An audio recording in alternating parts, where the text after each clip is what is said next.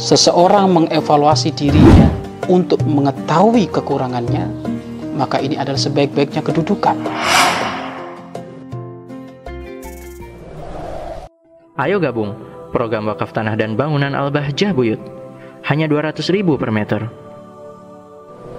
Bismillahirrahmanirrahim. Assalamualaikum warahmatullahi wabarakatuh. Alhamdulillah. Alhamdulillahirabbil alamin. والعاقبة للمتقين ولا عدوان إلا على الظالمين.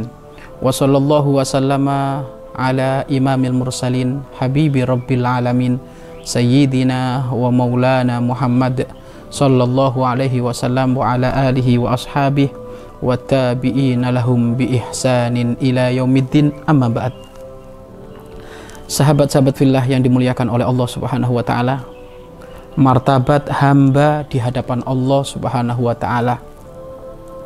Satu golongan selamat yaitu hamba yang beribadah hanya mengambil wajibnya saja dan meninggalkan kemaksiatan maka ini termasuk adalah masuk kepada wilayah martabat hamba golongan orang-orang yang selamat. Yang kedua adalah golongan beruntung yaitu hamba yang beribadah dengan ibadah yang wajib. Kemudian ditambah dengan ibadah sunnah serta ia meninggalkan kemaksiatan. Maka inilah hamba-hamba yang beruntung. Dan yang ketiga adalah golongan hamba-hamba yang merugi yang sengsara yang bangkrut yaitu hamba yang teledor dalam urusan ibadah wajib serta ia selalu tenggelam dalam kemaksiatan. Sahabat-sahabat fillah yang dimuliakan oleh Allah Subhanahu wa taala martabat hamba ada tiga model selamat beruntung rugi dan hal ini kuncinya pada diri Anda. Yang memilih diri Anda, yang memilih diri kita sendiri, bukan orang lain yang memilihkan hal tersebut. Mau menjadi golongan yang pertama yang selamat dengan hanya mengamalkan yang wajib-wajib, sholat lima waktu saja, nggak pernah bangun malam, nggak pernah sholat sunnah, sholat lima waktu saja, kemudian meninggalkan yang haram, cukup bagi dia untuk masuk surga, masuk wilayah keselamatan. Tapi surga kan berpangkat-pangkat. Surga itu ada tujuh. Dan yang paling nikmat adalah Jannatul Firdaus. Surga Firdaus. Begitu juga sebaliknya neraka juga berpangkat-pangkat. Neraka ada tujuh. Dan puncaknya kesengsaraan dan siksaan yang paling pedih neraka jahanam.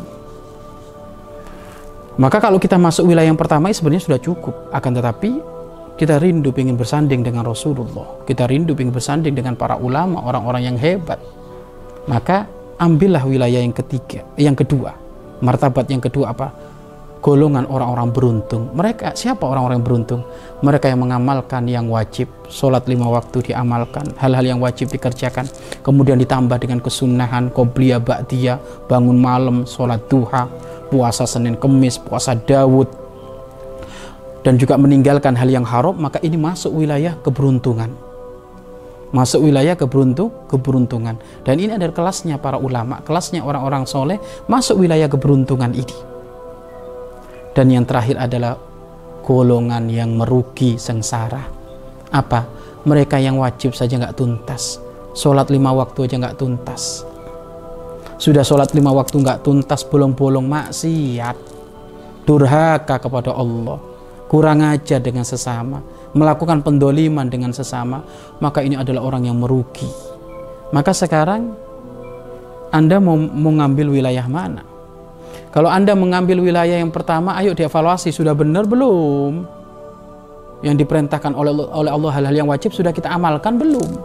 Kemudian yang dilarang oleh Allah sudah kita amalkan, kita jauhi ataukah belum?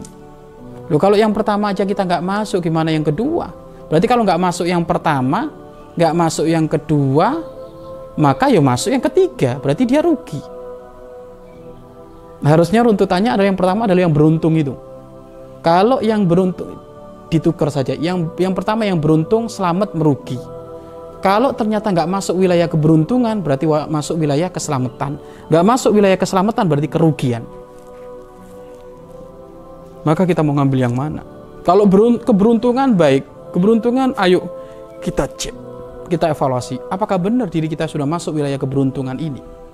Sholat, sholat lima waktu oke okay, sudah dikerjakan. Kemudian sunnah-sunnah Nabi bagaimana? Maka wilayah keberuntungan ini adalah wilayah penambahan di dalam amal-amal sunnah dari hal yang wajib yang sudah tidak tidak pernah ditinggalkan maka menambah wilayah-wilayah kesunahan dan kesunahan ini adalah tanda dirimu sambung kepada baginda agung Nabi Muhammad SAW dan jangan pernah meremehkan kesunahan karena Rasulullah SAW hidup menghidupkan kesunahan dengan sungguh-sungguh Kalau sudah tidak masuk wilayah keberuntungan, masuk wilayah yang kedua, keselamatan saja. Apa keselamatan tadi itu?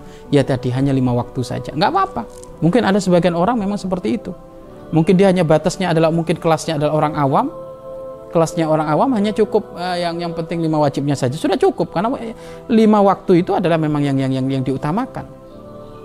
Kemudian tidak pernah melakukan hal yang salah atau melakukan hal yang salah tapi segera tobat kembali kepada Allah. Nggak apa-apa, itu sudah cukup. Yang penting jangan menjadi orang yang ketiga, orang yang rugi.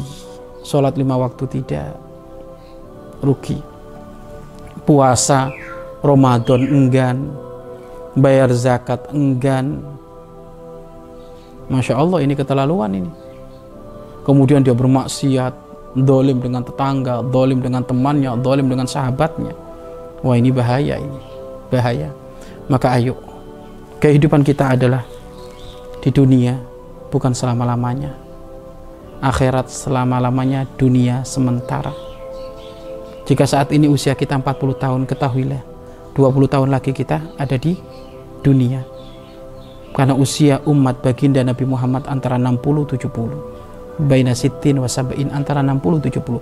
Setelah kita usia 70 tahun ke mana kita? Kita akan mati. Rumah masa depan kita adalah kuburan rumah masa depan kita kuburan. Dan rumah masa depan kita ini akan menjadi rumah masa depan yang berarti kalau kita menjadi orang yang berada di wilayah yang pertama keberuntungan ataukah yang kedua keselamatan. Jangan yang ketiga. Kuburannya orang atau rumah masa depan dari orang-orang yang ketiga ini yakni orang yang merugi sengsara. Sengsara. Kita tahu liang lahat bagaimana. Begitu sempit dan gelap gulita ditanam dengan dengan tanah dan kita sendirian ada di situ. Maka ayo jangan pernah meninggalkan hal yang diwajibkan oleh Allah Subhanahu wa taala. Bahkan kalau perlu kita evaluasi sekarang kualitasnya seperti apa. Kita evaluasi kualitasnya, kualitasnya seperti apa. Agar supaya kita ini menjadi pribadi yang soleh, pribadi yang beruntung, sehingga nanti kita bisa berkumpul dengan baginda agung Nabi Muhammad Sallallahu Alaihi Wasallam. Wallahu a'lam bishawab. Mari berinfak untuk operasional lembaga pengembangan dakwah Bahjah Buyut.